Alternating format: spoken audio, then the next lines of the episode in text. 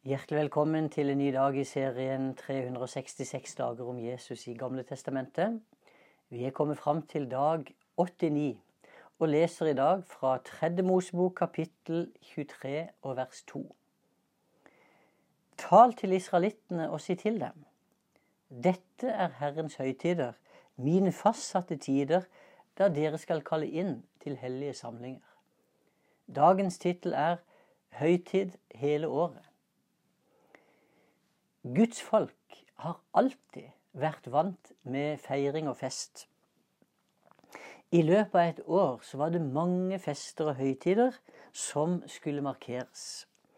Som en takk til Gud for hans store velsignelse og beskyttelse, så ble det alltid også båret fram offer under disse sammenkomstene.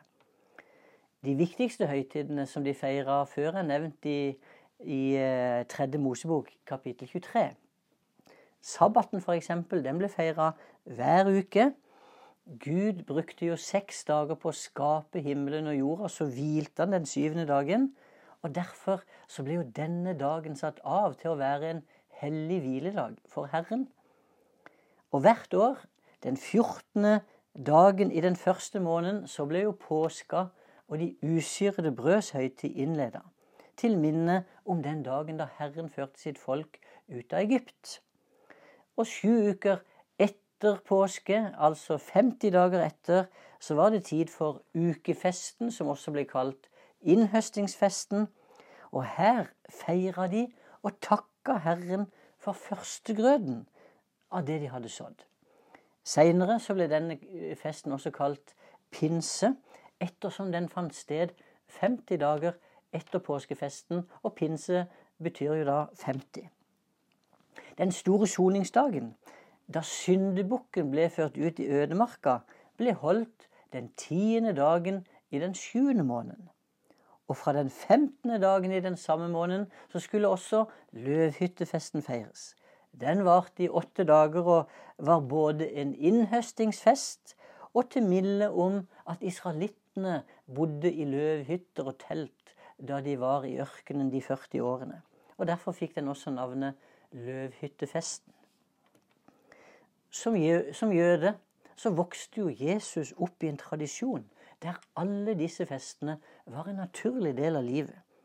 Og vi leser i Bibelen at Jesus f.eks. som tolvåring dro sammen med foreldrene til Jerusalem for å feire påske. Og da Jesus var sammen med disiplene til den siste påskefeiringa, så er det også tydelig at han fulgte forskriftene fra Moseloven. Flere steder leser vi også at han kom til synagogen på sabbaten.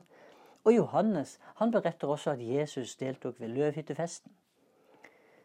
Høytidene de fikk imidlertid en helt ny mening og et helt nytt innhold etter at Jesus kom. Det blir tydelig at alle høytidene som er nevnt i Gammeltestamentet, handler egentlig om Jesus. Jesus selv slo jo fast at sabbaten ikke først og fremst var en dag med bud og krav, men en dag som skulle feires til Guds ære, i takk og tilbedelse. Og menneskesønnen er herre over sabbaten. Det er jo ham vi feirer. Sabbaten ble derfor flytta fra den siste dagen i uka til den første, siden det var Jesu oppstandelsesdag. Og av den grunn så fikk den også navnet Herrens dag. Det blir, det, det blir også klart at Jesus er påskelammet som ble slakta. For vårt påskelam er slaktet Kristus, skriver Paulus i 1. Korinterbrev 5.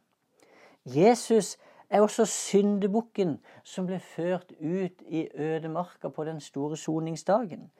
Johannes pekte jo på han og sa, se der er Guds lam som bærer bort verdens synd. Og under løvhyttefesten så kom også Jesus med et grensesprengende løfte. På den siste dagen i høytida så pleide alltid ypperste presten å ofre et kar med vann som drikkeoffer. Og et lite kar med vann, det ville jo ikke gi en dråpe engang til hver av alle de tusenene som var samla i Jerusalem da. På den dagen var det Jesus sto fram og ropte Den som tørster, han skal komme til meg og drikke, og den som tror på meg fra hans indre, skal det, som Skriften har sagt, renne elver av levende vann. Dette sa han om ånden de som trodde på ham, skulle få. Med, det, med dette så pekte altså Jesus på at kraftfylden i Den hellige ånd, den skulle utøses i den nye pinsa. Alle høytidene har fått sin oppfyllelse i Jesus Kristus. Og etter at Jesus har kommet, så er det ikke naturlig å feire de, samme, å feire de gamle høytidene lenger, sånn som de gjorde før. For i dag feirer vi Kristus. Ja, det er høytid hver dag. Det finnes kristne i dag som begynner å ta opp igjen feiringen av sabbaten og andre jødiske høytider. Dette er jo et, eh, et, et stort tilbakeskritt og fullstendig feil fokus.